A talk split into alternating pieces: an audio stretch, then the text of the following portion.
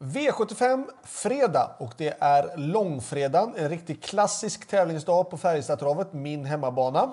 Och eh, vi börjar med V75 1 som är ett annorlunda lopp skulle jag vilja säga. Eh, det är ett lopp som är till för bara amatörtränade hästar och även körda av kuskar som inte har kört jättemycket lopp. Så ett väldigt svårt lopp skulle jag vilja säga, tippar här V75 1 och sen att det är ett spårtrappa också det gör ju ännu lite grann knepigare på något sätt att tippa.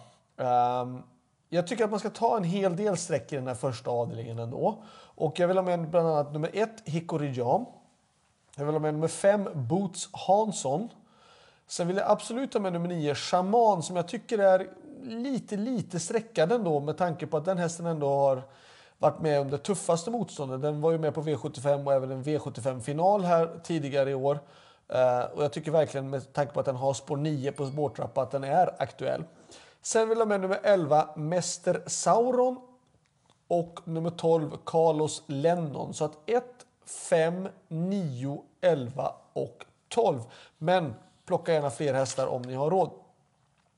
V75 2. Uh, det här är ett fyraåringslopp, voltstart, inte många hästar med, bara åtta stycken hästar. Eh, vi har två stycken med från vårt stall och det är då nummer fyra Estrella Diamante och nummer sju Ove Palema. Båda två känns bra. Jag kan tycka kanske att Estrella är den som har lite bättre form än så länge ehm, i träningen. Och visserligen är Ove Palema den snabbare hästen och den hästen som med stor sannolikhet kanske kommer komma till ledningen. Eh, uh, Estrella är jag lite orädd för om han kommer att komma iväg från just det där fjärde spåret. Det var nog kanske det sämsta spåret för honom att ta sig iväg ifrån. Men det är ju inga bakspårshästar som är med och stressar så att det borde gå bra. Uh, fyra och sju ska sträckas. Där bakom då åtta High On Pepper som jag tycker också är uh, har gått väldigt bra. Visserligen en galopp senast men har ändå visat bra kapacitet.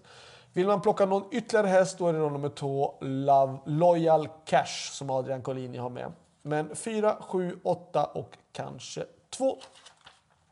V75 3 är prins Carl Philips lopp. Ett jättefint lopp och fantastiskt bra hästar. Kanske det är några Elitloppskandidater också.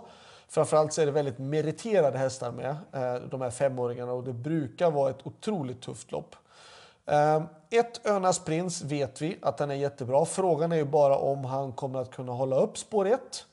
Um, ehm, två BPB körde jag på Vincennes i vintras. Det är också en fantastiskt fin häst. Vi har sett honom i Sverige. Vi vet vad bra han är på våra svenska banor.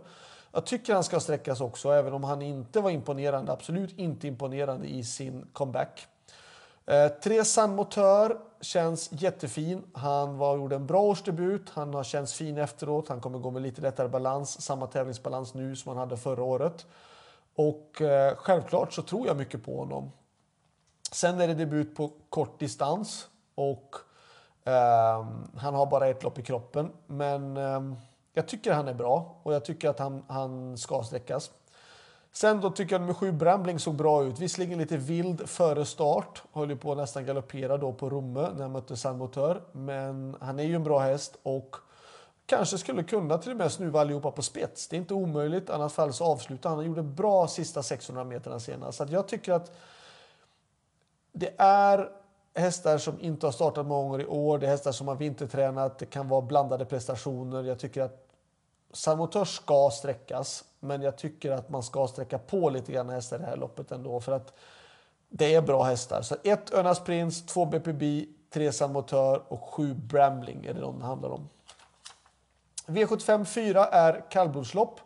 Normalt sett så det är 1640 meter av voltstart och jag kör då nummer 14 VG-prinsen som står med bakspår på 20 meters tillägg på 1640 meter volt.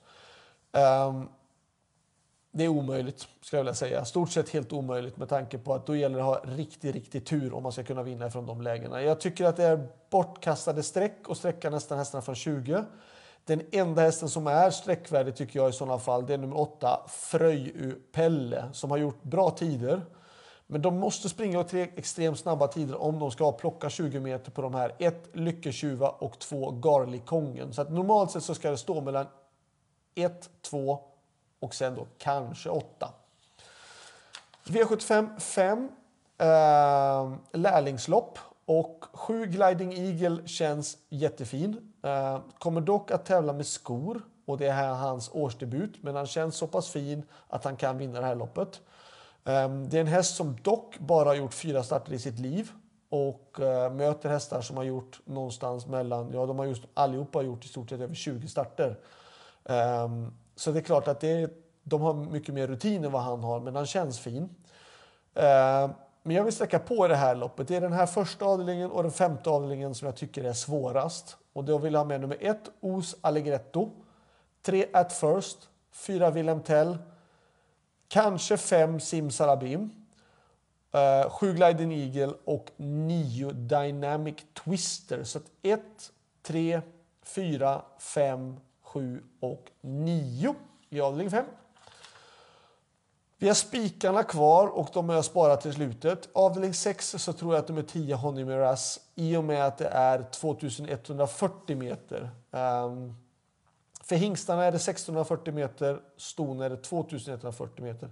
Hade det varit 1640 meter då har jag sagt att fyra betting pacer kommer bli jättesvåra att slå.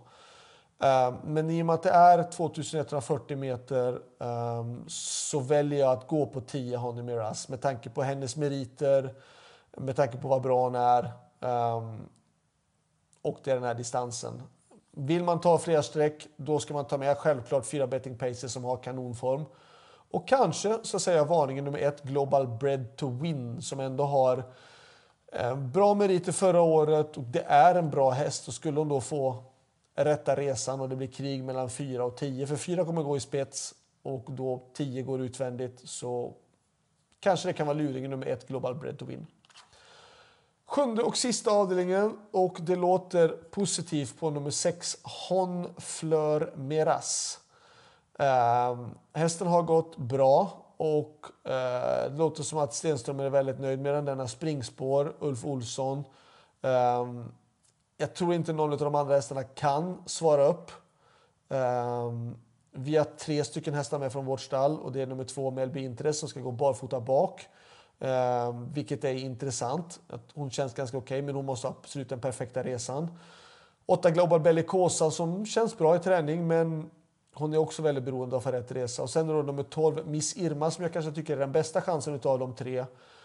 Visserligen så är hon inte så van med voltstart och hon står 20 meters tillägg, men hon har varit ute och mött jättetuffa hästar varje gång. Um, hon går bra och jag tror att hon kan absolut duga i det här loppet. Men om nummer 6 får spets så kommer det såklart vara svårt att hämta meter på en snabb Färjestadbana.